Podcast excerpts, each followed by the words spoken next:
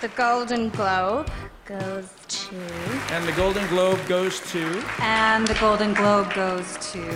Lekko niewyspani Konrad Korkosiński, I Piotr Maszorek. a to jest ten podcast filmowy. Piotrze, dlaczego niewyspani? Ponieważ oglądaliśmy Złote Globy, jak co roku powtarzamy sobie, że nie będziemy tego robili, ale mimo wszystko wracamy i cierpimy z bardzo kiepskim streamingiem i reklamami i wieszającymi się stronami po to, aby poobserwować jak Hollywood pije i rozdaje sobie nagrody. Dokładnie, standardowo jak co roku monolog otwarcia jest niemożliwy do zobaczenia, bo okazuje się, że stream jest oh, koszmarny. To zastanawiające jest to, że w erze mm, serwisów streamingowych cały czas Złote Globy są, zresztą nie tylko Złote Globy, Oscary tak samo, są cały czas transmitowane w telewizji kablowej. Ale wydaje mi się, że gdyby sprzedali to jakiemuś y, serwisowi streamingowemu, jeśli sprzedaliby to HBO, albo sprzedaliby to Netflixowi, albo Amazonowi, albo komukolwiek, Jasne, i moglibyśmy to obejrzeć, a potem obejrzeć jeszcze całą galę, która zostaje wrzucona na portal streamingowy następnego dnia i obejrzeć to o normalnej godzinie. Dokładnie. I, I sądzę, że y, oglądalność by mi wtedy bardzo podskoczyła, ponieważ no, jest bardzo duża, y, może nie Amerykanów, ale ludzi na świecie, którzy chcą oglądać tak jak my, no a niestety nie mają takiej możliwości, ponieważ albo nie mają Kanal Plus, albo y, najzwyczajniej nie jest to transmitowane tak jak to było w zeszłym roku. A z drugiej strony nie mogliby sobie na to pozwolić, bo gala Oscarowa i gala Złotych Globów, tak samo Tony, Emmy, wszystkie gale, które, które rozdają nagrody, zarabiają na jednym, na czasie reklamowym. A na portalach, na portalach streamingowych tych reklam by nie było. A jest to rak, koszmarny rak tych wszystkich nagród, że niestety jedna trzecia to jest wręczenie nagród, a dwie trzecie to są, to są koszmarnie złe reklamy. Zwłaszcza, że im dalej w las, im bliżej tych najważniejszych nagród, to dosłownie po każdej kategorii Jest jest, blok reklamowy. No dobra, tylko że jeżeli mamy czas reklamowy, czas antenowy podczas Złotych Globów, no to mamy tam reklamy na przeczyszczenie, które wczoraj widzieliśmy.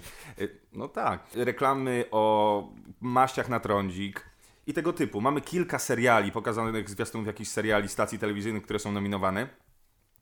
Przy Oscarach jest podobnie, a jeżeli na przykład spojrzymy na Super Bowl, mamy najdroższy czas antenowy, gdzie mamy puszczane premiery zwiastunów kinowych. Tak, ale porównywanie Super Bowl do Oscarów czy do czegokolwiek innego, Jasne, no wiem to o to co ci jest chodzi, dzień do jasne. Tak, tylko że oglądając Super Bowl skupiamy się na tym, że oglądamy sport. Więc te zwiastuny kinowe nie są bezpośrednio połączone z tym światem sportu. A oglądając Oscary czy Złote Globy, aż się prosi, żeby ten czas reklamowy był wypełniony właśnie zwiastunami filmowymi. Może chodzi o to, że przemysł filmowy reklamuje się tymi ceremoniami. Nie muszą jakby sprzedawać reklam swoich filmów, ponieważ sprzedają filmy na tych Oczywiście galach. mamy aktorów pięknie ubranych, Dokładnie. aktorki. W tym roku gala Złotych Globów była bardzo eco-friendly i serwowali na gali tylko i wyłącznie wegańskie dania. Do czego nawiązał m.in. Joaquin Phoenix odbierając swoją nagrodę. Idą z duchem czasu, co akurat dosyć dobrze się złożyło, ponieważ na tej gali dosyć często słyszeliśmy ze sceny e, ratujmy Australię, ratujmy świat, wszystko zależy od nas. Pokonajmy Trumpa. Pokonajmy Trumpa. Fajnie, że pod tym względem nie byli hipokrytami i faktycznie y, nie robili, nie, nie dawali tych wszystkich przemów do kotleta. Jasne, to prawda. Tak, tak, to były bardzo wartościowe przemowy, jest kilka do wymienienia, ale to już może w trakcie Tak jest. Zanim przejdziemy do omówienia nagród, a jest co omawiać, ponieważ to była naprawdę ciekawa ceremonia, Wyjątkowo, która, to która była- nas zaskakiwała Wydaje bardzo mi się, często. że z ostatniej dekady była to jedna z ciekawszych Tak jest. gal e, Złotych Globów i najbardziej nieprzewidywalna. Ale składa się na to wiele czynników. Po pierwsze dlatego, że mamy naprawdę bardzo dobry rok filmowy. Wyjątkowo w porównaniu do zeszłego roku, dzień do nocy. I tak właściwie bardzo często mieliśmy y, przy jakichś tam kategoriach, że ktoś wygrywał, kto nie był naszym typem, ale i tak i tak mówiliśmy, no kurde, ale dobrze. Tak, wrzucimy na, na nasze media społecznościowe, na Instagram, Facebook, nasze baloty. Baloty, czyli kartę głosowania. Co roku mamy taką tradycję, że zanim zaczniemy oglądać transmisję, wypełniamy sobie baloty i potem porównujemy, komu udało się ustrzelić jak najwięcej, więc będziecie mogli sobie zerknąć, jakie były nasze typy. No i jeszcze jest jeden czynnik, który wpłynął na to, że było to tak ciekawe. Tegoroczny sezon nagród jest bardzo, bardzo krótki. Terminy rozdania nagród, które no w zeszłym roku, nie pamiętam kiedy dokładnie były Oscary, ale to są W jakieś marcu. w marcu. To, to było bardzo dużo czasu na to, żeby ten wy, wyścig jakoś się rozwinął, żeby inne nagrody zostały dane. W tym roku wszystko jest bardzo stłoczone. Za tydzień 13 mamy ogłoszenie nominacji Oscarowych. Natomiast y, członkowie Akademii Filmowej mogą głosować do jutra. To jest bardzo mało czasu po Złotych Globach, ponieważ bardzo często Złote Globy wpływały w ten sposób na Oscary, ponieważ y, członkowie Akademii Filmowej mogli zobaczyć i się zastanowić nad tym, hmm, no tak, ta Olivia Colman naprawdę fajnie przemawiała i jest spoko babką, może jednak ją nagrodzić. W tym roku mają bardzo mało czasu. W związku z tym e, są zaskoczenia, ponieważ nie mieliśmy dużo nagród do tej pory. Teraz członkowie Amerykańskiej Akademii Filmowej będą dawali swoje nominacje i być może tam pojawią się filmy, których nie było w ogóle w zestawieniu Złotych Globów. Mówisz o nagrodach Akademii Filmowej. Amerykańskiej Akademii Filmowej, która składa się z ilu członków? Ponad 6, 6 tysięcy członków. Okej. Z ilu osób składa się komisja, która przyznaje Złote Globy? Około 90 osób. I w przeciwieństwie do Oscarów, które są przyznawane przez Akademię Filmową, w której zasiadają głównie ludzie filmu, aktorzy, reżyserzy, scenarzyści i tak dalej, Złote Globy są przyznawane przez Stowarzyszenie Pracy Zagranicznej w Hollywood, czyli przez dziennikarzy. To są dziennikarze, którzy piszą o filmie, o aktorach, o ludziach z tego przemysłu, ale nie dla prasy Stanów Zjednoczonych, Czyli krytycy. krytycy, zagraniczni krytycy. I to jest dosyć szemrana banda, ponieważ jest ich około 90 i oni tak właściwie, żeby móc głosować na Złote Globy, muszą spełnić kilka kryteriów. Najważniejsze jest to, że muszą napisać y, minimum cztery teksty w ciągu W roku. ciągu roku. Co, to jest bardzo leniwe dziennikarstwo. Jeśli tylko cztery teksty w ciągu roku na temat filmu możesz napisać.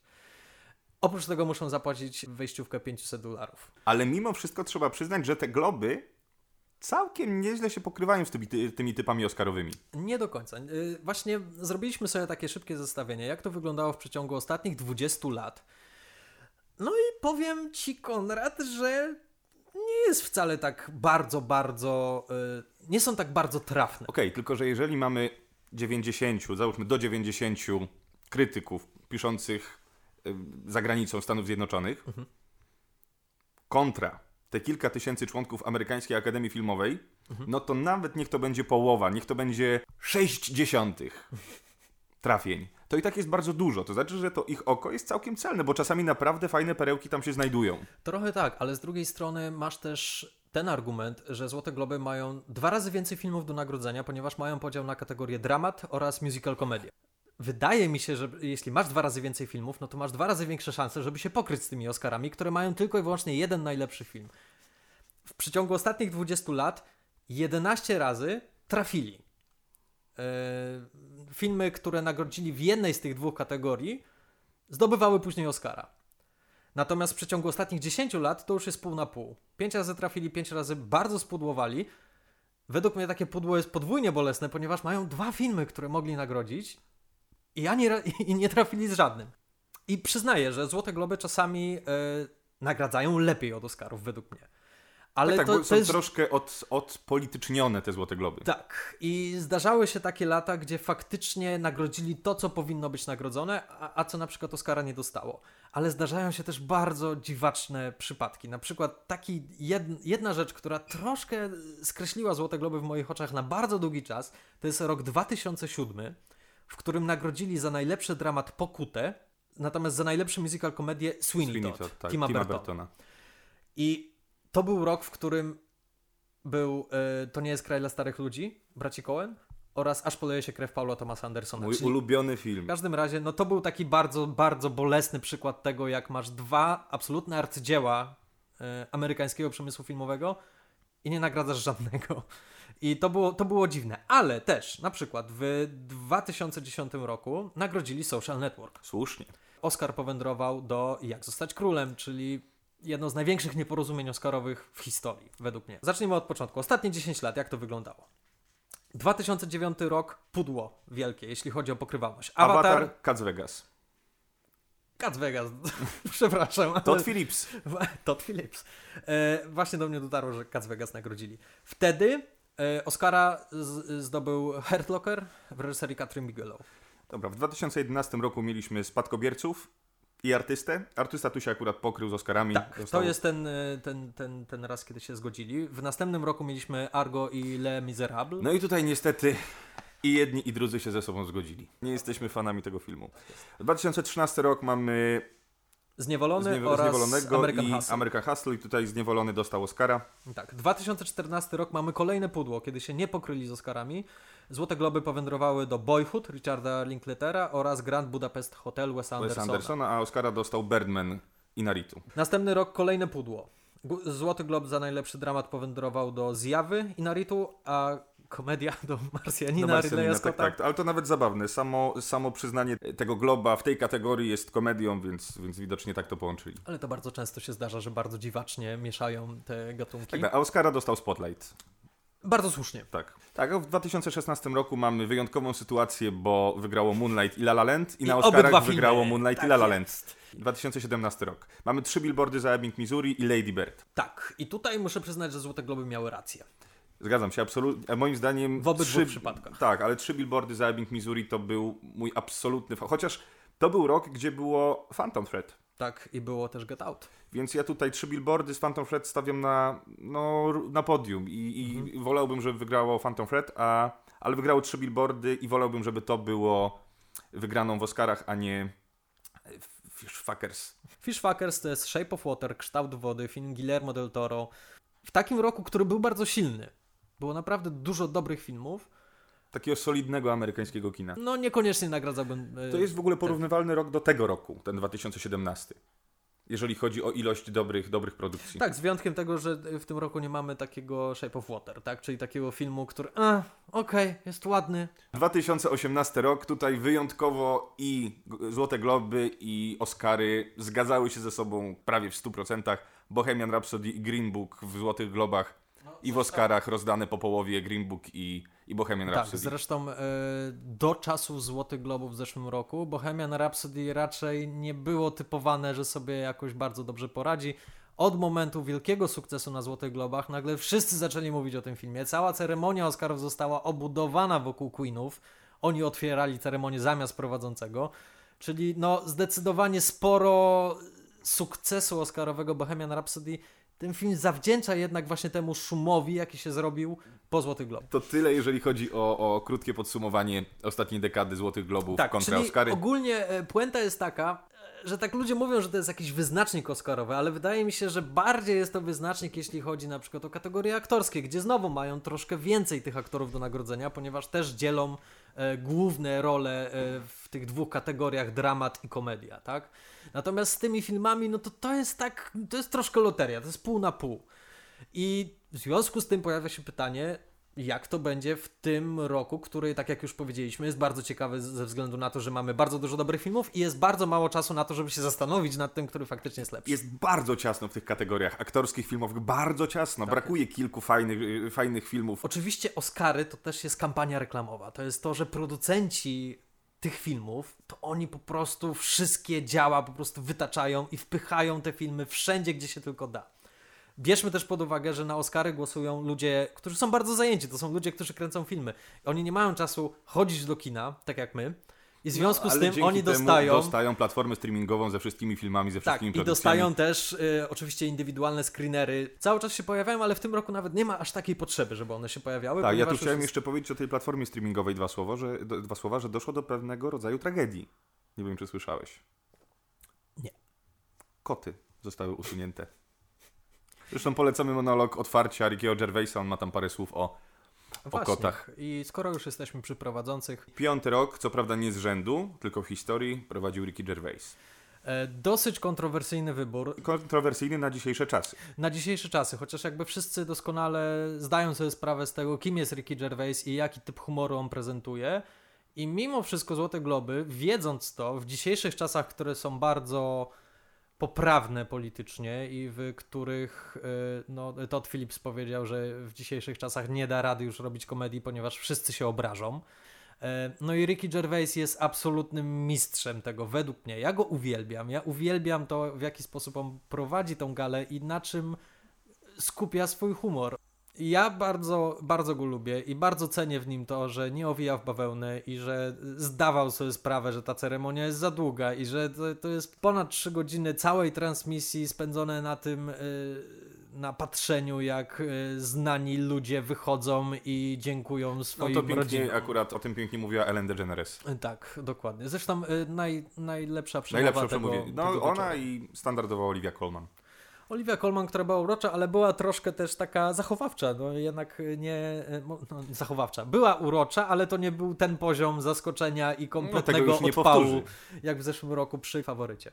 Czyli tak, y, Ricky Gervais nie owija w bawełnę i dlatego między innymi go zatrudniają. I I podejrzewam, że w przyszłym roku też będzie prowadził Złoty Glob, bo ten format się sprawdza. To poczucie humoru się sprawdza. tak, y, zwłaszcza, że w jakiś przewrotny sposób on bardzo wpasowuje się w te czasy, w których teraz żyjemy, tak? Ponieważ on, to są czasy, w których wszyscy mówią prawdę i obnażają wszystkie zakłamania i, i błędy systemu. I Ricky Gervais robi to bardzo dobrze i zrobił to bardzo dobrze właśnie na tej gali, dlatego nie, nie wiem jak wygląda reakcja Twittera na jego tegoroczne e, wystąpienie na Złotych A mi Globach. się wydaje, że w ogóle Ricky Gervais jest osobą, której się bardzo dużo rzeczy wybacza. Tak, tak. No zresztą y, też nawiązał do tego, że Kevin Hart został zwolniony z funkcji prowadzącego po kilku kontrowersyjnych tweetach, a Ricky Gervais w tym roku miał bardzo dużo kontrowersyjnych tweetów, za które nie przeprasza. Od tego zaczął swój monolog. Nie obchodzi mnie to. Nigdy mnie to nie obchodziło. Dokładnie. I wydaje mi się, że to jest, to jest clue. No, to jest człowiek, który naprawdę nie przejmuje się opinią innych ludzi. On robi swoje. Tak. I jest w tym bardzo dobry. W pewnym momencie, e, żartując sobie z jednego, już nie pamiętam dokładnie z kogo powiedział, to jest wasz przyjaciel, nie mój. Ja mogę żartować. Tęskniłem za nim, szczerze mówiąc. W zeszłym roku Andy Sandberg i Sandra O. e, To, było, to nie było złe prowadzenie Globów, bo to było dwóch bardzo lubianych i charyzmatycznych aktorów, którzy raczej nie podpadają opinii publicznej. Dochodzi tutaj kwestia tego, że te ceremonie, one muszą znaleźć swoje miejsce we współczesnych mediach. To już nie są te czasy. Teraz wszystko jest szybsze, bardziej agresywne, e, bardziej memiczne niemalże, prawda? Jasne. I według mnie to, co robi, robi Ricky Gervais, jest ciekawe dla takiej publiczności, ponieważ jest ostre, ponieważ jest jakieś. Jest jakieś, to jest, to jest clue, I- jest jakieś. I No, będzie, y, będzie viralowe y, już dzisiaj, tak? Będzie krążyło po internecie, ludzie będą wysyłali sobie linki. Natomiast taki Andrew Sandberg i Sandra O, no z wyjątkiem dowcipu o Lady, Lady Gadze, no tak naprawdę nie mieli żadnego takiego momentu, który przykułby uwagę społeczności e, internetowej, która no potrzebuje momentów i to muszą być mocne momenty. I wydaje mi się, że Ricky Gervais idealnie się w to wpasowuje. No szkoda tylko, że y, y, takie Oscary są zbyt zachowawcze i nie są w stanie tego jakby y, przyjąć do swojej świadomości, że teraz no niestety tak wygląda przemysł musimy rozrywkowy. powrócić do poczucia humoru. Dokładnie, a to poczucie no, zmieniło się w przeciągu ostatnich kilku lat, no bo jakby to w jaki sposób odbieramy te nagrody i te, te wszystkie wydarzenia też się zmieniło, zupełnie inaczej to wygląda. W każdym razie, no z naszej strony ocena Rickiego Gervaisa Jest bardzo wysoka. dwa kciuki w górę, Absolutnie. cztery, cztery kciuki w górę i mamy nadzieję, że po raz kolejny przekupią go i jednak jeszcze wróci do tych Złotych Globów, ponieważ oczywiście to nie jest pierwszy raz, kiedy mówił, że to jest ostatni raz, kiedy prowadzi Złote Globy, a mimo Dostanie wszystko szklankę wraca. piwa. Tak jest. To, to w nim też bardzo cenię, że on nie ukrywa tego, że wszyscy tam są pijani. E, no dobrze, Okej, ale natomiast skupmy się na nagrodach. właśnie. E, zacznijmy od telewizyjnych nagród, chociaż nie będziemy to- to- aż tak bardzo się na nich tak. skupiali, ponieważ e, no my jednak e, zdecydowanie oglądamy Złote Globy dla nagród, nagród filmowych. Chociaż rzeczywiście trzeba przyznać, że ten przemysł telewizyjny bardzo się rozwinął dzięki platformom streamingowym, o czym też zaraz powiemy. Tak jest. I jest kilka tytułów, które no, serce nam się radowało, kiedy usłyszeliśmy, że, że dostały nagrodę. Oczywiście dwa takie tytuły to jest Fleabag I Czarnobyl. I Sukcesja, chciałem powiedzieć. I sukcesja, to trzy. To, To trzy, tak, Znaczy oczywiście. Czarnobyl oczywiście był, był, Był pewniakiem. pewniakiem, ale sukcesja i, i Fleabag to są takie tytuły, które, na które rzeczywiście my stawialiśmy bardzo mocno, bo jesteśmy fanami, aczkolwiek była duża możliwość i szansa, że, że, że tych nagród nie, nie dostaną. Zgodzę się, że przy sukcesji tak było, ponieważ sukcesja jednak y, ona powoli staje dość- się dość tym świeże- wydarzeniem świeża serialowym, rzecz, tak? Tym wielkim tytułem, który z, z, coraz bardziej zyskuje na odcinek popularności. Rosła ocena tego I serialu. słusznie, ponieważ to jest świetny, rewelacyjny serial, który, który Absolutnie, to trzeba jest zobaczyć. perfekcyjny. Tak. Natomiast Fleabag, Fleabag był faworytem. Fleabag to jest po prostu wydarzenie wielkie, o którym wszyscy mówią. Phoebe Waller-Bridge w przeciągu tych y, y, niecałych dwóch lat stała się gwiazdą dzięki temu serialowi. To jest świetna scena, to jest jej dziecko, tak? Ona to napisała, wyprodukowała, zagrała główną rolę. No i ona jest absolutnym objawieniem. Ale jest coś takiego w sukcesji i we Fleabag, widzę to po moich znajomych, że doszło do takich sytuacji wielokrotnie, już słyszałem od, od kilku osób, że przy sukcesji obejrzeli pierwszy odcinek, dwa odcinki, odstawili sukcesję i dopiero po jakimś czasie wrócili i zauważyli, zaczęli zauważać ogrom i wielkość tego, tej, tej produkcji. Tak samo jest we Fleabag, więc myślę, że to są też takie seriale, którym trzeba dać szansę. Tak. Ale y, Fleabag mimo wszystko jest bardziej zjadliwe, ponieważ to są krótkie odcinki, bardzo szybkie i ta forma jest bardzo wyraźna już od pierwszego. Jakby od pierwszego odcinka już wiemy w jaki sposób to, to będzie podawane, to będzie łamanie czwartej ściany, to będzie bardzo kontrowersyjny humor, bardzo ostry, bardzo mocny, nie znający tematów tabu.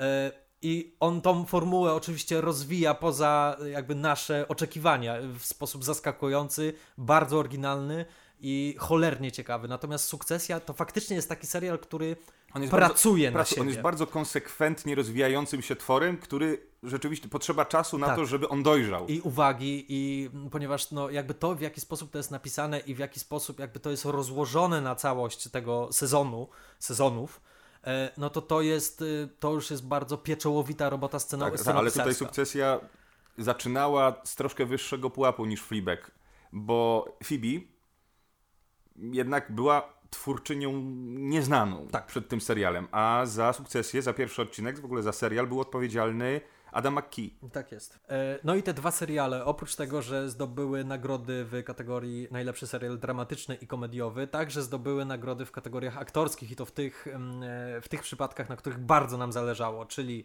za sukcesję otrzymał Brian Cox. A za aktorkę dostała Phoebe Waller-Bridge. Tak, szczególnie mnie cieszy Brian Cox, który jest takim no, starym wygą, który pojawia się, no sam powiedział, że ponad 60 lat jest w tym przemyśle, e, gra gdzieś tam na drugich, trzecich planach, e, no i wreszcie przy tym serialu e, dostał możliwość rozpostarcia skrzydeł i fajnie, że został nagrodzony. Zresztą jego przemowa była z wielką klasą i wow. To prawda, ale akurat jego kategoria wydaje mi się, że była najbardziej jednoznaczna do obsadzenia, bo nie miał bardzo silnej konkurencji. To fakt, to fakt. No to był Kit Harington z Gry o Tron, miał Ramiego Maleka za Mister Robot, który już tę nagrodę dostawał, Thomasa Menzisa z, za The Crown gra y, ksi- księcia Filipa i Billy Porter za Pose, czyli naszą...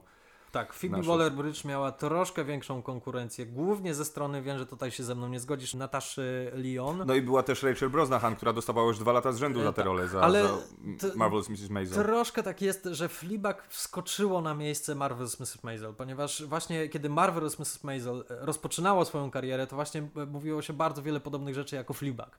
Że to jest fajny, silny kobiecy głos, bardzo, bardzo otwarty, bardzo No tak, tylko że tam Rachel kobiecy. Brosnahan to nie jest kobieta instytucja, taką jaka jest, jaką jest y, Phoebe Waller-Bridge. No i od razu jeszcze powiedzmy, że Fleabag jest produkcją Amazon Prime'a, Tak. Sukcesja jest produkcją HBO. Tak, i HBO oczywiście także e, wielki sukces e, serialu Czarnobyl. Troszkę żałuję, że nie został nagrodzony Jared Harris No za tak, główną kosztem, rolę. kosztem Russella Crowe'a, który dostał, dostał nagrodę za The Loudest Voice. Ważny temat, widziałem serial. Jest to solidna produkcja, ale ja bym tutaj tej roli bardziej tam zagrał makijaż i charakteryzacja niż... No zdecydowanie Jared Harris moim zdaniem był faworytem w tej kategorii. Tak, no i był to pierwszy moment na tej ceremonii, kiedy, kiedy zaczęło być politycznie i zaangażowanie, ponieważ Russell Crowe nie mógł być na ceremonii, ponieważ Był w Australii. był w Australii i musiał e, jakby zająć się swoją rodziną i dał bardzo płomienne przemówienie, które przekazała Jennifer Aniston na temat e, tego, e, jak ważna jest e, reakcja świata na to, co się w chwili obecnej dzieje w Australii. Był to jeden z pierwszych takich momentów, A potem już poszło lawinowo. a potem poszło lawinowo i to jest właśnie ta jedna z tych rzeczy, z których wyśmiewał się Ricky Gervais. E, w każdym razie, co jest dosyć ciekawe, jeśli spojrzymy na telewizyjne kategorie i to jak się rozłożyło, HBO otrzymało cztery nagrody, Amazon otrzymał dwie, Hulu dwie, Netflix, FX i Showtime otrzymały po, Po jednej. jednej. To Tutaj jest, jest... solidny odwrót sytuacji, gdzie Netflix był absolutnym zwycięzcą od kilku lat, jeżeli chodzi o kategorie telewizyjne, a tutaj mamy no, jedna, kate- jedna kategoria wygrana. Nie chcę mówić, że to jest pewnego rodzaju porażka, bo podejrzewam, że takie było założenie Netflixa, że w tym roku nie skupiamy się na, na produkcjach, które mają być nagradzane kategorii telewizyjnej, skupmy się na filmach. I tutaj to rzeczywiście Zmienili jest odzwierciedlone. strategię. Mamy cztery filmy, które są w głównych kategoriach filmowych. Ale paradoksalnie w tych kategoriach filmowych także sobie Do nie tego najlepiej wrócimy, poradzili, ale o tym będziemy mówili. W każdym razie e, stacje telewizyjne, e, które do tej pory były, które wcześniej były kojarzone z serialami, czyli FX i Showtime, e, jedyni reprezentanci, ostatni, e, mieli tylko po jednej nagrodzie, podobnie jak Netflix. Natomiast giganci streamingowi, czyli HBO, Amazon, Hulu, no, duży sukces, zwłaszcza HBO.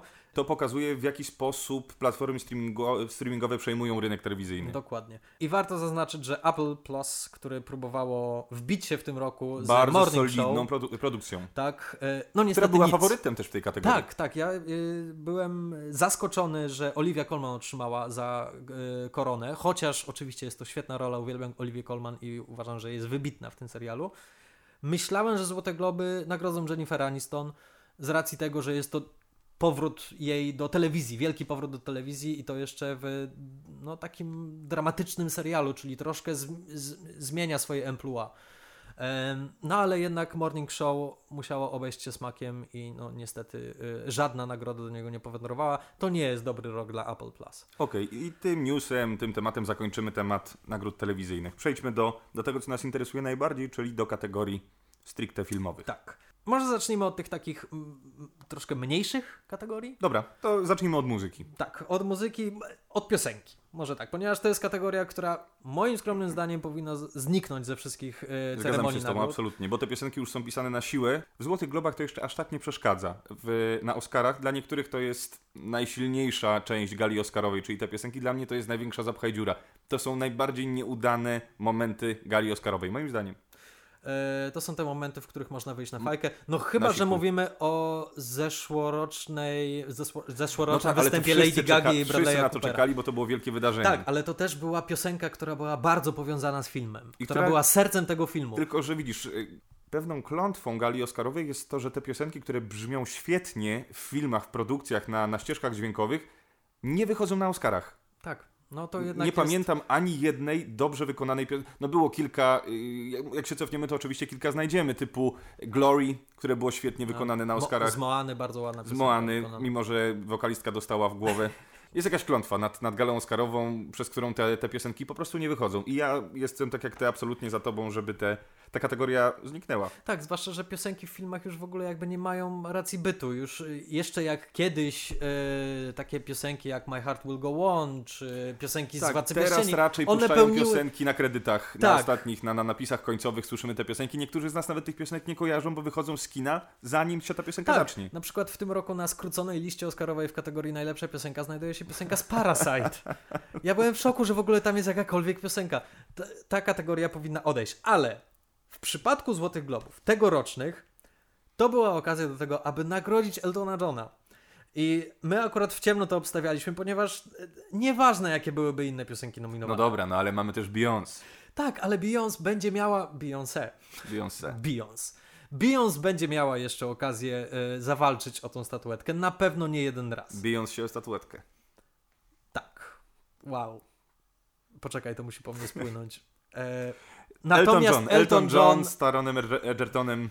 z, no jednak zda, zdajemy sobie sprawę z tego, że no, Elton John już raczej nie będzie się bawił w żadne e, piosenki filmowe i tak dalej. To była ostatnia taka szansa. No i poza tym to, co właśnie powiedziałeś, Taron Egerton, który jest także e, współautorem sukcesu tej piosenki, ponieważ on, e, gwiazda Rocketmana, bardzo, bardzo dobrze wykonywał swoją pracę w sezonie nagród, to znaczy, że uścisnął każdą dłoń, pocałował każde dziecko i naprawdę się starał o to, aby wszyscy pamiętali o tym malutkim filmie Rocketmanie i o tym, co zrobili z Eltonem Johnem. Okej, ale tu jeszcze zróbmy, zróbmy tutaj ukłon w stronę Bernego, Berniego Taupina, bo to jest też film o nim i on jest... Napisał tę piosenkę i trzeba o nim wspomnieć, że to jest po prostu świetny duet, świetnie zgrany duet od lat. Tak, no i zresztą, kiedy, zap- kiedy wyszli na scenę po raz pierwszy, aby zapowiadać Rocketmana jako film, e, jako nominowany film, no to dostali owacje na stojąco bardzo długie. Tak, widać jaka to jest naprawdę braterska przyjaźń i, Tak. i świetnie się na nich razem patrzy. I ja myślę, że to jest bardzo. To będzie ta kategoria, która pokryje się z Oscarami. Też Myślę, mi się tak że. wydaje, że tutaj nie ma, nie ma szans. Myślę, że akurat jak członkowie Akademii zobaczyli, jakie to jest dobre uczucie nagrodzić Eltona Johna i Berniego, e, no to, to chyba nie będzie tutaj żadnego zaskoczenia na Oscarach. Myślę, że to, no chyba, że wygra piosenka z Parasite. Co będzie niesamowite. Radzimy, jak ktoś ma, ma możliwość, chęć, to, to, to posłuchajcie sobie tej piosenki, wyróbcie sobie swoje zdanie. Skoro już jesteśmy przy muzyce, przechodzimy do następnej kategorii, czyli najlepszy soundtrack, najlepsza muzyka skomponowana do filmu. Wygrała, proszę bardzo, Konrad. Hildur, Gumbendotr. Guddendotter. Przepraszamy bardzo. Hildun Guddendotter, która napisała soundtrack do Jokera. do Jokera i do Czarnobyla. Czarnobyla. Bardzo dobry rok. Y, W, w przeciągu tego roku ona stała się gwiazdą muzyki Młodziutkie filmowej. dziewczy, Tak. bardzo zdolne. Pochodząca z Islandii. E, widać, że bardzo jeszcze nie taki Tak, nieoszlifowany tak diament. nieobeznana, tak nieobeznana w ogóle w tematach, w tematach nagród. Tak, trochę jakby się nawet wstydziła na tej scenie, to było bardzo urocze. To możemy od razu powiedzieć, że to nie był nasz typ. No przepraszam, miałem Ty zaznaczone. miałeś zaznaczone. Ja zaznaczyłem, zaznaczałem sercem, zaznaczyłem e, Randy'ego Newmana z, z A Marriage Story. Tak, e, tu, tu się z Tobą zgodzę, że e, akurat jeśli chodzi o te dwie. To jest zawsze tak, z tymi ścieżkami dźwiękowymi to wygląda w ten sposób, że nie wiesz, czy masz oceniać, e, jak muzyka działa w filmie, Czy jak działa osobno jako, jako na ścieżka płycie. dźwiękowa na płycie. Teoretycznie e, wszystkie te gremia głosujące oceniają muzykę w filmie. Nie na płycie. W związku z tym nie dziwi mnie to, że Joker wygrał, tak, ponieważ tak, w tak. filmie ta muzyka robi po prostu połowę roboty. Jasne, ja tak, oczywiście, no wprowadza nas absolutnie w klimat to, co się dzieje z Jokerem. Tak, jest praktycznie trzecim bohaterem tego filmu, obok Joaquina Phoenixa i obok zdjęć. Natomiast y, Randy Newman y, stworzył kapitalną ścieżkę dźwiękową, która jest idealnym dałeś, kontrapunktem. dałeś świetne porównanie kiedyś, jak rozmawialiśmy o tym filmie, o tej ścieżce dźwiękowej do Czułych Słówek. Tak. To jest y, przy tym dosyć ciężkim temacie. Ta muzyka jest piękna, lekka, prawie jak z takiej komedyjki.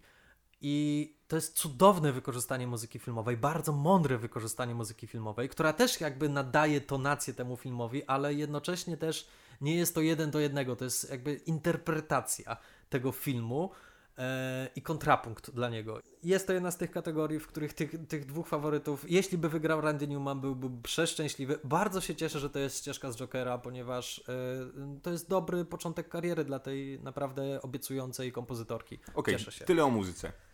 Przejdźmy teraz do najlepszego filmu nieanglojęzycznego. Proszę Konrad, oddaję Ci mikrofon. Tak, i, no więc ja chcę się tu od razu przyznać. Oczywiście wiem, że posypią się na mnie gromy nienawiści. Ja nie jestem wielkim fanem filmu Parasite, który, który tę statuetkę dostał. No i myślę, że zrobimy osobny odcinek o tym filmie, żebyśmy mogli sobie o nim trochę dłużej podyskutować, bo teraz nie ma na to czasu. Więc oddaję Tobie głos, bo Ty jesteś tego filmu dużym fanem. Trzymałeś kciuki za Bo Joon-hona, za, żeby dostał za reżyserię. Więc proszę, wypowiedz się. E, dobrze, Konrad. E, ja jestem fanem Parasite, tak jak zauważyłeś, ale zresztą nie tylko ja. Z tego, co No słyszę nie, i jest, czytam. Jest, jest, odbiór jest fantastyczny na całym e, świecie. e, I w Hollywood tym bardziej. Bierzemy pod uwagę, że Hollywood nie jest przyzwyczajony do zagranicznych filmów, do oglądania zagranicznych filmów, ponieważ muszą czytać napisy. Ale jak wiemy, no, uczą się tego i naprawdę idą z duchem Bardzo czasu. powoli się tego uczą. I to też jest troszkę inna sytuacja. No jednak bierzemy pod uwagę, że Amerykanie no, mają swoje przyzwyczajenia, ponieważ mają jeden z największych przemysłów filmowych na świecie i w związku z tym oni zawsze oglądają siebie i swój język na ekranie. Natomiast tutaj muszą czytać te napisy, no i jednak muszą też oglądać film, który jest z innego kręgu kulturowego, i... ale który mimo wszystko jest uniwersalny. Parasite jest gigantycznym sukcesem w Stanach Zjednoczonych. I z tego, co czytam, z tego, co słucham, e, z branży takiej filmowej, e, prasy, e, podcastów i tak dalej, jest olbrzymi szacunek dla tego filmu. I jest to porównywalne, że jest to odkrycie, że Ameryka wreszcie odkryła Bong Joon-ho, który jest uznawany za nowego Hitchcocka i nowego mistrza kina obrazu, formy filmowej. Jakby to powiedział Jan Paweł II, co? No, No Ale tak właśnie, jest, Nie, no tak ja, jest, ja tego, jest- ja tego, ja jest- tego, znaczy rozumiem fenomen, rozumiem fenomen, po prostu to jest film, który nie trafia, absolutnie omija moje kubki smakowe ja filmowe. rozumiem, Konrad, ale teraz nie rozmawiamy o tobie. No dobra, no ale Rozmawiamy dyskusja... o Złotych Globach. I Jasne, zresztą no tutaj jasne. akurat nie ma co zaskakiwać, że Stowarzyszenie Zagranicznych Dziennikarzy e, będzie chciało nagrodzić ten film, ale zaskakuje mnie to, że nie nagrodzili go w innych kategoriach, na przykład za reżyserię albo za scenariusz. No ale tam już się pojawiła ko- konkretna konkurencja. Ale no też nie ukrywajmy, że jednak scenariusz do Parasite to jest kapitalna robota i tak samo Bong Joon-ho świetnie wyreżyserował ten film. To jest po prostu No mistrzostwo, zegarmistrzowska precyzja w konstruowaniu narracji filmowej. No okej, dobra, nie ma co więcej gadać o, o W każdym o razie to, tu nie było zaskoczenia Jasne. i zapewne nie będzie tego zaskoczenia już do końca. Wydaje mi się, że to jest kolejna kategoria, która pokryje się w 100% z Oscarami. Najlepszy film animowany. No i O! tutaj chyba nasze największe zaskoczenie tegoroczne. Mieli do wyboru Frozen 2, mieli do wyboru Jak wytresować smoka, nową część. Toy Story 4. I ach, ten. Ten film, którego Ten nikt nie film- widział. Tak. Czyli The Lion King, nie, jeszcze Lion King. I na sam Nie, ja mówię o Lion King. A ty już o Lion King. jest Nikt nie widział? Nieznany film, którego nikt wcześniej nie widział, który absolutnie Żart. nie jest jeden do jednego remake'iem. No i ostatni film, z którego tłumaczenia polskiego dystrybutora się śmialiśmy. Oryginalny tytuł to Missing Link. i polskie tłumaczenie to Praziomek. Nie widzieliśmy tego filmu. Nie widzieliśmy tego filmu, wiemy kto stoi, kto popełnił ten film. Jest to Studio Lajka. A studio Laika to jest studio, które ja olbrzymie szanuję, uwielbiam i zresztą nie tylko ja. Ponieważ to jest studio, które wypuszcza animacje tylko i wyłącznie robione techniką poklatkową. Oldschoolowo, bez, bez animacji 3D komputerowej. Oczywiście komputery mają pewnie swój udział w tym, aby to usprawnić, ale mimo wszystko to jest oldschoolowe, klatka po klatce. Tak, żeby zobaczyć misterną pracę, geniusz tego, tej roboty, musicie sobie zobaczyć dodatki chociażby na płycie do, do Kubo i dwie struny. Tak. To jest E, coś niesamowitego, słuchajcie, to jest tak imponująca robota, że no, ja bardzo się cieszę, że takie studio zostało nagrodzone. Szkoda, że nie za Kubo, nie pamiętam co wtedy było nominowane razem z Kubo, ale to teraz jest nie, nie, nieistotne. Zresztą też odpowiadają za Koralinę Tak. i To- bardzo się cieszę, że ta nagroda trafiła do nich. To jest studio, które wypuszcza animacje, które ludziom bardzo się podobają, jest- ale o dziwo oni... no, Oczywiście te animacje bardzo kosztują, to są bardzo kosztowne Właśnie sprawy. chcę powiedzieć, że bardzo się cieszę, że to studio dostało nagrodę właśnie z, ze względu na to, że to im da prawdopodobnie solidny zastrzyk gotówkowy, Dokładnie. promocję, sponsorów, a bałem się, że z tym studiem może się skończyć tak, jak to się stało z semaforem. Tak, dokładnie tak. To, to studio, jakby wszyscy y, obserwatorzy box office'u i tego, co się dzieje w Hollywood, byli w szoku, że to studio cały czas wypuszcza nowe animacje, ponieważ pomimo tego, że to są duże budżety i wydają dużo pieniędzy na to, te filmy nie zarabiają. To nie są tacy, takie sukcesy jak Pixar, jak DreamWorks, jak Disney, ponieważ no to są jednak animacje, które troszkę więcej wymagają od widzów. No, y, dobra, przepraszam, Pixar oczywiście też wymaga, ale no to nie są takie frywolne, gadające zwierzątka w stylu y, sekretne życie zwierzaków domowych. I tak? słuchajcie, naprawdę nikt się nie spodziewał tej nagrody, sami twórcy. Tak, Jak byli bardzo zaskoczeni. nagrody, nic nie przygotowali, byli tak zaskoczeni. Ale jednocześnie jest to taka. Jest to jedna z najfajniejszych, jedna z dwóch najfajniejszych nagród tego wieczoru, która dała nam olbrzymią satysfakcję, ponieważ to jest studio, które naprawdę wykorzysta tą nagrodę bardzo dobrze, właśnie do tego, żeby przetrwać i żeby tworzyć dalej przepiękne animacje. I mam nadzieję, że ludzie przez to będą chcieli obejrzeć Prazionka. Chcę zobaczyć Praziomka. Ja też i bardzo, bardzo się z tego powodu cieszę, że wygrali. Okej, porozmawialiśmy o muzyce, porozmawialiśmy o filmach animowanych, o zagranicznych filmach. Możemy porozmawiać o aktorach i aktorkach drugoplanowych. Dobrze. Eee, kategoria drugiego planu nie jest dzielona na e, dramaty Tak, oraz mamy na połączoną kategorię. Eee, dobrze, zacznijmy od aktorki. Mieliśmy nominowaną Katie Bates za Richarda Jewella, Annette Bening za Raport, Laura Dern za Marriage Story, Jennifer Lopez za Hustlers, Ślicznotki oraz Margot Robbie za Bombshell. I wygrała. Laura Dern za Marriage Story, z czego się bardzo cieszę. Tak, i to, To jest jedyna nagroda dla Marriage Story. Tak, jedyna nagroda i jedyna nagroda dla Netflixa też. E, czyli jest to trochę. No trochę Netflix No. może być rozczarowany za to rozdanie Złotych Globów, no ponieważ jednak bardzo się starali w tym roku, żeby się wbić na wielu No frontach. jasne, ale mimo wszystko jest ogromnym sukcesem to, że, że, że, te, że jest tyle nominacji. Tak, to jest ogromny sukces dla Netflixa. Tak, ale myślę, że nie po to robił tyle filmów, żeby odejść tylko z jedną nagrodą za Laurę Dern. Nie no, po zeszłym roku, po Romie, myślę, że miał już tak rozgrzany apetyt. No dokładnie, w zeszłym roku przecież Roma otrzymała ile? Dwie statuetki Złotych Globów chyba. I Oscary. No i Oscary to już inna sprawa zupełnie, ale no, w tym roku no jednak nie, nie, nie najlepiej im poszło na Złotych Globach. Laura Dern bez wątpienia ma teraz e, Dernosans.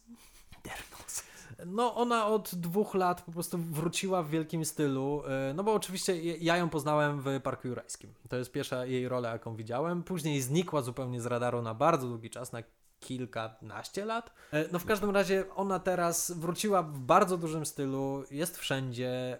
e, No i to jest jej rok. No jakby wszyscy mówią, To że... są jej dwa lata. To są jej To nawet są jej dwa trzy lata. Tak. Y, I że wszyscy mówią, że raczej tak to się skończy. Chociaż ja tutaj muszę przyznać, że byłem zaskoczony, że nie była to Jennifer Lopez.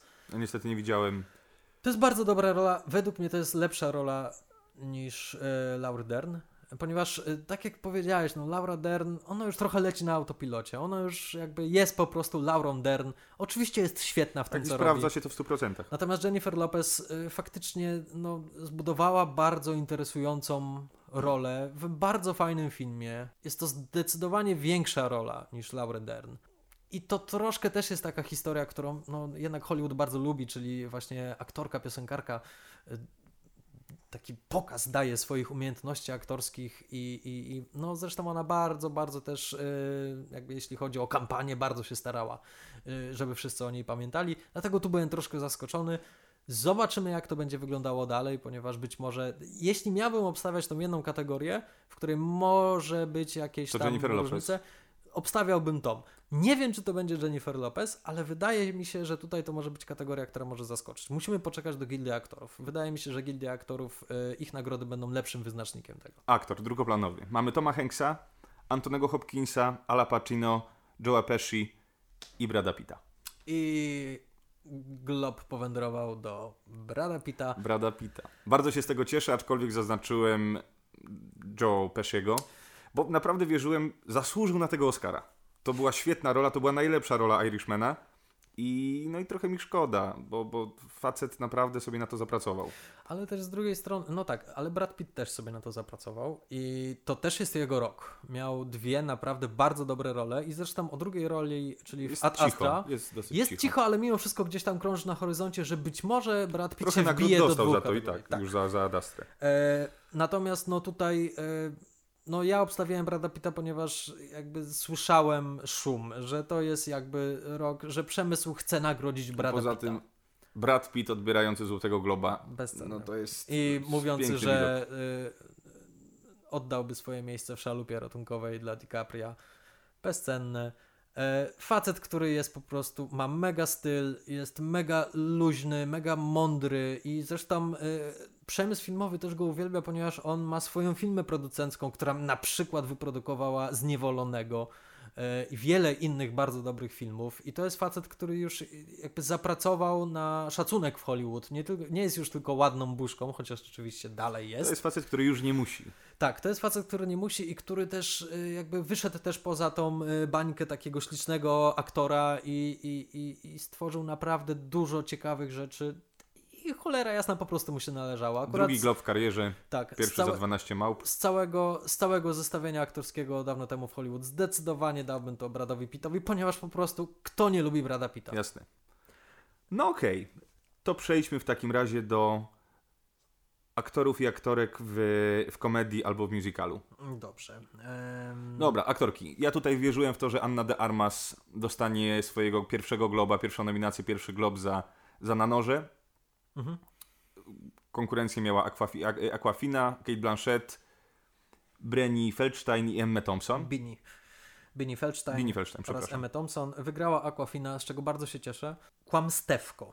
To jest polski tytuł. Ten Tłumaczenie. film, Oryginał to The Farewell. Tak, e, film wejdzie do nas do kin w styczniu, jeśli się nie mylę. W każdym razie będzie można to zobaczyć. Koniecznie I obejrzyjcie. to jest film produkcji amerykańskiej, ale Ale w w języku... języku mandaryńskim, chińskim. Chyba, to chyba tak. E, w każdym razie jest to przepiękny film. Malutki, skromny, piękny film oparty na prawdziwej historii Lulu Wong, czyli reżyserki tego filmu. E, jest to perełeczka. Jest to perełeczka. Aquafina jest świetna. I według mnie to jest bardzo zasłużona nagroda. To jest najlepsza na, e, rola aktorki w tym zestawieniu. Ale muszę powiedzieć, że wydaje mi się, że ża- ża- żadna z tych aktorek nie będzie nominowana do Oscara. A ja trzymam kciuki mimo wszystko za Annę de Armas. Myślę, że ma szansę się tam wcisnąć, bo to jest naprawdę fajna, dobrze prze- przeprowadzona rola. Poza tym Oscary lubią debiuty, lubią młode, piękne twarze. Faktycznie. I faktycznie jest to też e, rola, która dźwiga cały film i to się zapamiętuje z tego filmu. gagging. Tak, to jest nowa metoda aktorska. Dobra, aktor w musicalu albo, albo w komedii. Mamy w nominacji Daniela Craiga, mamy Romana Griffina Davisa, Leonardo DiCaprio, Tarona Egertona i Ediego Murphy'ego. I to jest drugie... Największe zaskoczenie tej największe gali. Zaskoczenie, I najprzyjemniejsze też zaskoczenie tej gali. Czyli- Nagroda powędrowała do Tarona Egertona. Za Rocketmana. No świetna informacja. Tak, Film, bardzo który miał cieszę. swoją premierę u nas, jak dobrze pamiętam, w lutym, o którym ja bardzo się bałem, że ten film zostanie absolutnie zapomniany do tego czasu. Bo to jest, no niestety, przypadłość, przypadłość tych gal y, i okresu nagród, że to, co się działo w styczniu, lutym, marcu, marcu, to, co się dzieje przed wakacjami, często zostaje pominięte, jeżeli nie prowadzi się kampanii. No tutaj Taron Egerton jednak, jednak przycisnął, stawiał się, się. tam, gdzie, gdzie, gdzie Wychodził powinien sobie być, wychodził, nagrodę, witał tak. się ze wszystkimi, ściskał rękę. Więc No ale też to jest bardzo dobra rola. świetna. To jest... e, Bardzo się cieszę, że po zeszłym roku, gdzie Rami Malek dostał za, za Frediego Mercurego w filmie, filmie Bohemian Rhapsody, w tym roku dali też szansę młodemu w podobnym filmie, bo to jest ten sam Tak, reżyser. tak, tak. Tak naprawdę. E, tak, już nie będziemy wnikali, dlaczego tak, to jest tak, ten sam ma co- reżyser, ale e, no, my tutaj się nie zgadzamy a propos Ramiego Maleka i jego roli. E, dla mnie Taron Edger- Ed- Edgerton i dlatego tak bardzo się cieszę, że dostał, wykonał zdecydowanie więcej roboty e, w, w Rocketmanie niż Rami Malek e, w Bohemian Rhapsody. Taron Edgerton zaśpiewał każdą jedną piosenkę w tym filmie i jeszcze do tego zagrał naprawdę fajną, przekonującą rolę, chociaż to nie jest jeden do jednego Elton John, tak jak Rami Malek starał się zrobić jeden do I jednego. Freddie'ego Mur- I bardzo dobrze, że on wpuścił trochę siebie w tę rolę. To Dokładnie. Jest, no, E, dzięki ta- temu ten film ma, ma taką jakość i wartość. Tak, ponieważ to nie jest taka biografia, biografia tradycyjna, to jest interpretacja Eltona Johna, jego życia, jego muzyki. Chociaż muszę powiedzieć, że jestem troszeczkę rozczarowany tym, że nie ma Jamie'ego Bella w nominacjach tutaj do, do drugoplanowej Tak, postaci. tak, Tak, to, to, to się z tobą zgodzę. No i dobrze, nie dostał Leonardo DiCaprio, Nie dostał Eddie Murphy. nie dostał Eddie Murphy, nie dostał młody, świetny y, Roman Griffin Davis za Jojo Rabbit. Tak, ale, ale myślę, że to się nie On jest, wydarzy. to jest młody chłopak to jeszcze. był taki fajny uśmieszek. tak, jeszcze, e, jeszcze zdąży sobie Ale już zagrać. chyba odchodzimy powoli. E, nagrody odchodzą powoli od nagradzania e, cudownych dzieci. I dobrze, szczerze mówiąc. No to teraz zróbmy tak, jak zrobiła gala Złotych Globów, czyli najpierw aktor. No nie ma zaskoczenia. aktorka. W Nie ma- kategorii nie, nie, nie, nie aktorskiej to nawet nie musimy za bardzo o tym dyskutować, ponieważ no to jest e, no pewniak, to od, od dawna wiadomo. Każdy, to... kto był na, na, na, na Jokerze, kto wyszedł z kina, ten wiedział, że, że to się musi tak skończyć. Mimo, mimo solidnej konkurencji, to jest naprawdę ciasna i, i bardzo dobra, dobra kategoria. Tu wszyscy zasłużyli na tego globa. A mamy jest Christiana jeszcze- Bale'a, mamy Antonio Banderasa, mamy Adama Drivera, który był moim... No gdyby nie Joker, to, to, to jest mój absolutny faworyt. I Jonathan Price. I jeszcze mamy jakieś 10 aktorów, którzy się nie dostali do tej kategorii, a którzy także zasługują na to. No, To jest- możesz od razu powiedzieć, kogo ty byś widział w tej kategorii. Ja bardzo chcę zobaczyć Adama Sandlera za Uncut Gems. Mam nadzieję, że to się wydarzy na, przy nominacjach Oscarowych. Trzymam za niego bardzo kciuki, ale zgadzam się z tobą całkowicie. To jest tak napchana kategoria, tak silna kategoria.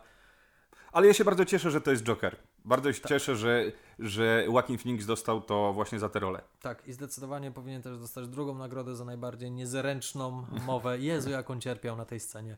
Widać, ale to jest też coś, co w nim bardzo szanuję, że on nie jest zupełnie takim zwierzęciem e, nie, show biznesowym, scenicznym, wywiadowym. Akurat wydaje mi się, że, że cała, cała prasa i, i świat show biznesu ma, ma solidnie na bakier z Joaquinem Phoenixem, więc, więc a to też jest temat na, na, na inną rozmowę.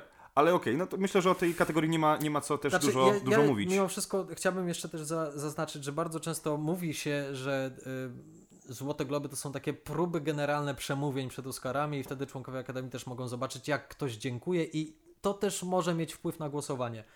Wydaje mi się, że jeśli by, byśmy patrzyli pod takim kątem faktycznie, jak ktoś dziękuje, dziękuję, to członkowie Akademii mogą mieć problem z Joaquinem Phoenixem, ponieważ on to były... y, Bardzo niekomfortowa sytuacja. Niekomfortowa, niezręczna, dziwna. Oczywiście był bardzo w tym szczery, ale też był bardzo taki nieskładny, chaotyczny.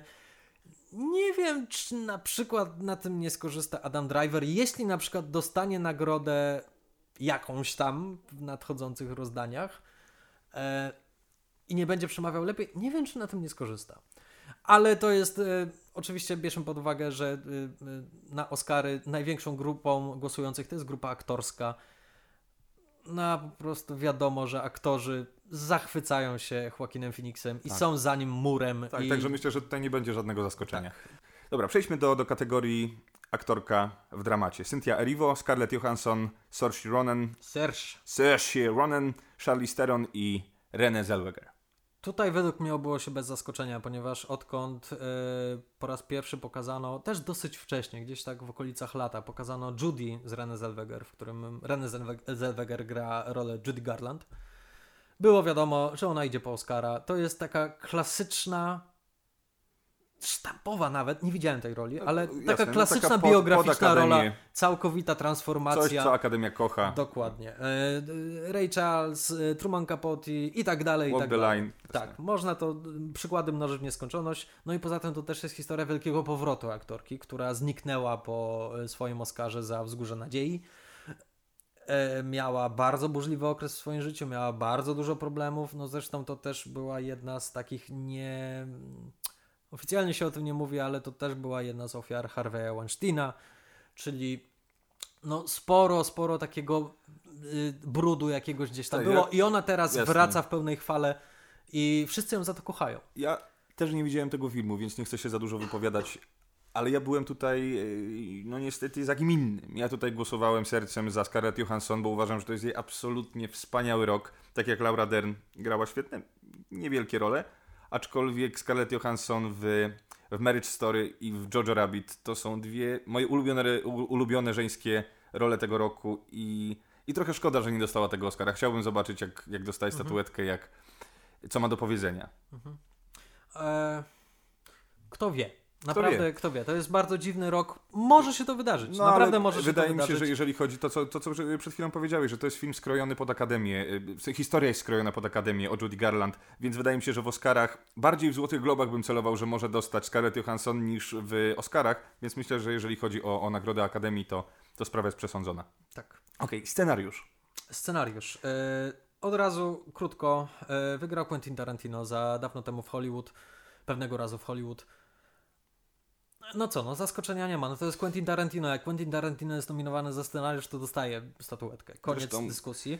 Miał bardzo Nie, dobrą kategorię. miał też. bardzo dobrą kategorię, aczkolwiek miał bardzo miał bardzo niekorzystne, niedobre przemówienie. Bardzo egoistyczne, Bardzo tarantinowskie. bardzo tarantinowskie. E, To, no trochę też się skrzywiłem na tym. No to, że Tarantino ma swoje ego i mówi, że ja to zrobiłem, ja zasłużyłem.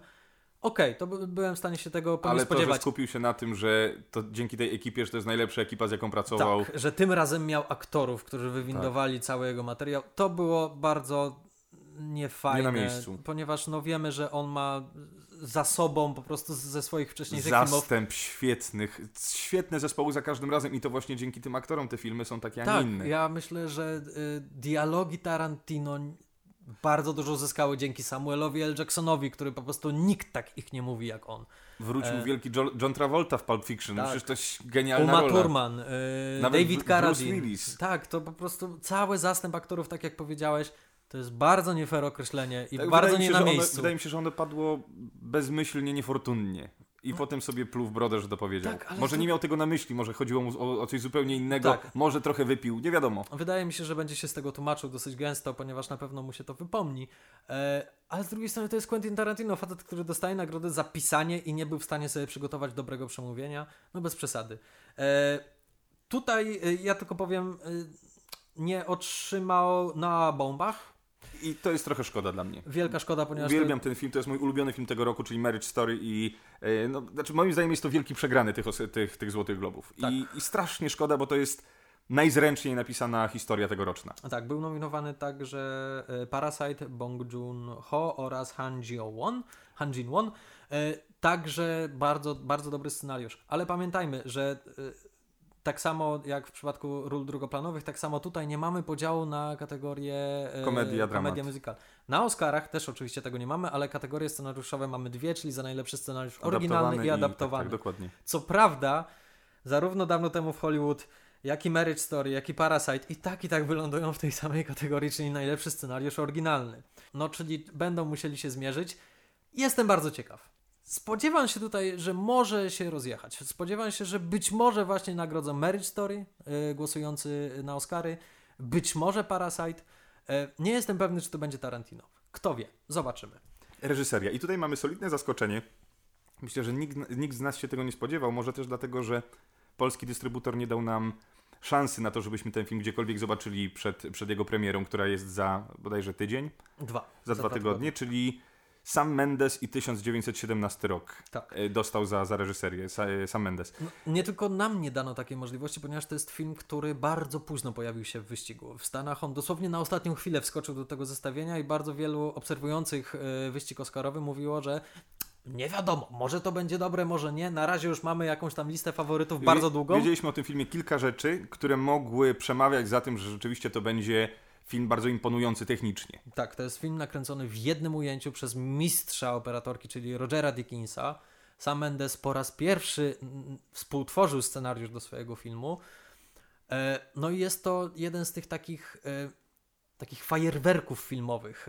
E, filmu, który jest imponujący technicznie, ale podobno właśnie są takie opinie, że to nie tylko jest tylko ta imponujące osiągnięcie techniczne, ale także jest w tym dusza, jest w tym myśl i jest to bardzo uzasadnione. Tak, ale nie ma, możemy zauważyć, jak przelecimy sobie te kategorie, przed- o których przed chwilą rozmawialiśmy, nie ma tam żadnych kategorii aktorskich. Tak, nie ma. Chociaż y, dużo dobrego słyszałem o tej y, roli głównego y, aktora, nie pamiętam jak on się nazywa. Ale to wrócimy do tego po premierze, Być bo na może, pewno się być, być, i może się, być może się pojawi. W każdym razie y, w ostatnich latach nastąpiło odklejenie kategorii najlepszy film od kategorii najlepszy reżyser. Y, bardzo często Tak, tak, różnią się. Tak. Y, wcześniej jakby to było połączone ze sobą, że skoro jakiś film jest najlepszy w tym roku, no to oczywiście musi to być tak, także nagrodzony reżyser. W ostatnich latach nagradzani są reżyserzy, którzy wykazali się właśnie jakimś takim pomysłem na film techniczną stroną. E, George Miller za Mad Maxa, e, Alfonso Cuarón za Grawitację, e, Inaritu, no co prawda Inaritu dostał też za e, Birdmana za film, ale za zjawę także, to przecież było osiągnięcie techniczne. Roma. E, Roma. E, no i w tym roku właśnie sam Mendes spełnia te kryteria. To jest osiągnięcie techniczne, to jest najlepsza taka, Tak, najbardziej się- wymagająca robota reżyserska. z, z, z, z, opisem i z, dyskusją nad tym filmem, bo go nie widzieliśmy, Tak. więc, więc zobaczymy i, i do tematu wrócimy. No, Tak. Dobra, nie ma co gadać o, o, o reszcie kandydatów tutaj, chociaż no, jest, o to, kim. Tak, jest o kim, to jest znowu pełna kategoria i tak naprawdę każdy, kto by został nagrodzony, nawet Todd Phillips za Jokera, e, Czy Scorsese za Irishmana? no oczywiście, e, to by była dobra nagroda. To, za, to by była nagroda, która jakby ma znaczenie i jest za coś. I jest za, co, i za jakieś imponujące osiągnięcie. Dlatego zobaczymy. Niedługo Gildia Reżyserów będzie ogłaszała swoje nominacje. Zobaczymy, jak to tam będzie wyglądało. Dobra. Najlepszy film, musical albo komedia. No i tutaj mamy Dolomite is my name od Netflixa, Jojo Rabbit od Foxa, Na noże Lionsgate, Once Upon a Time in Hollywood, Sony i Rocketman Paramount. I wygrał Quentin Tarantino pewnego razu w Hollywood. No jeśli spojrzymy, ile nominacji miał ten film do Złotych Globów, no to yy, widać, że bardzo, bardzo ten film się spodobał, no i wygrał. Znaczy w tej kategorii ja też nie widziałem konkurencji dla tego filmu, muszę od razu powiedzieć. Jeżeli byśmy go zestawili, zobaczymy jak będzie podczas Oscarów. Wydaje mi się, że akurat wydaje mi się, że on ma dosyć spore szanse na, na, na zwycięstwo w, w, Tak, no zresztą jeśli spojrzymy na nominacje, jakie do tej pory się pojawiły do, do Gildii Aktorów, czy do właśnie Nagrody Krytyków, on się, Once Upon a Time in Hollywood pojawia się wszędzie. Wszyscy ten film lubią. kochają. Tak, i pamiętajmy, że... Bo to jest film o nich. No to Tak. jest film o.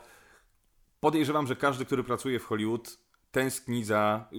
Wiekowy aktor czy, czy twórca, który żyje w Hollywood, tworzył w Hollywood, tęskni za tamtymi czasami. To jest laurka Tak. dla wszystkich twórców, dla ludzi, którzy tworzyli, żyli w tamtym I dla, okresie. dla kina, którego już nie ma, które odeszło, dla systemu produkcji, którego już nie ma, które odeszło. Czyli y, jest to coś, co Hollywood na pewno będzie uwielbiało.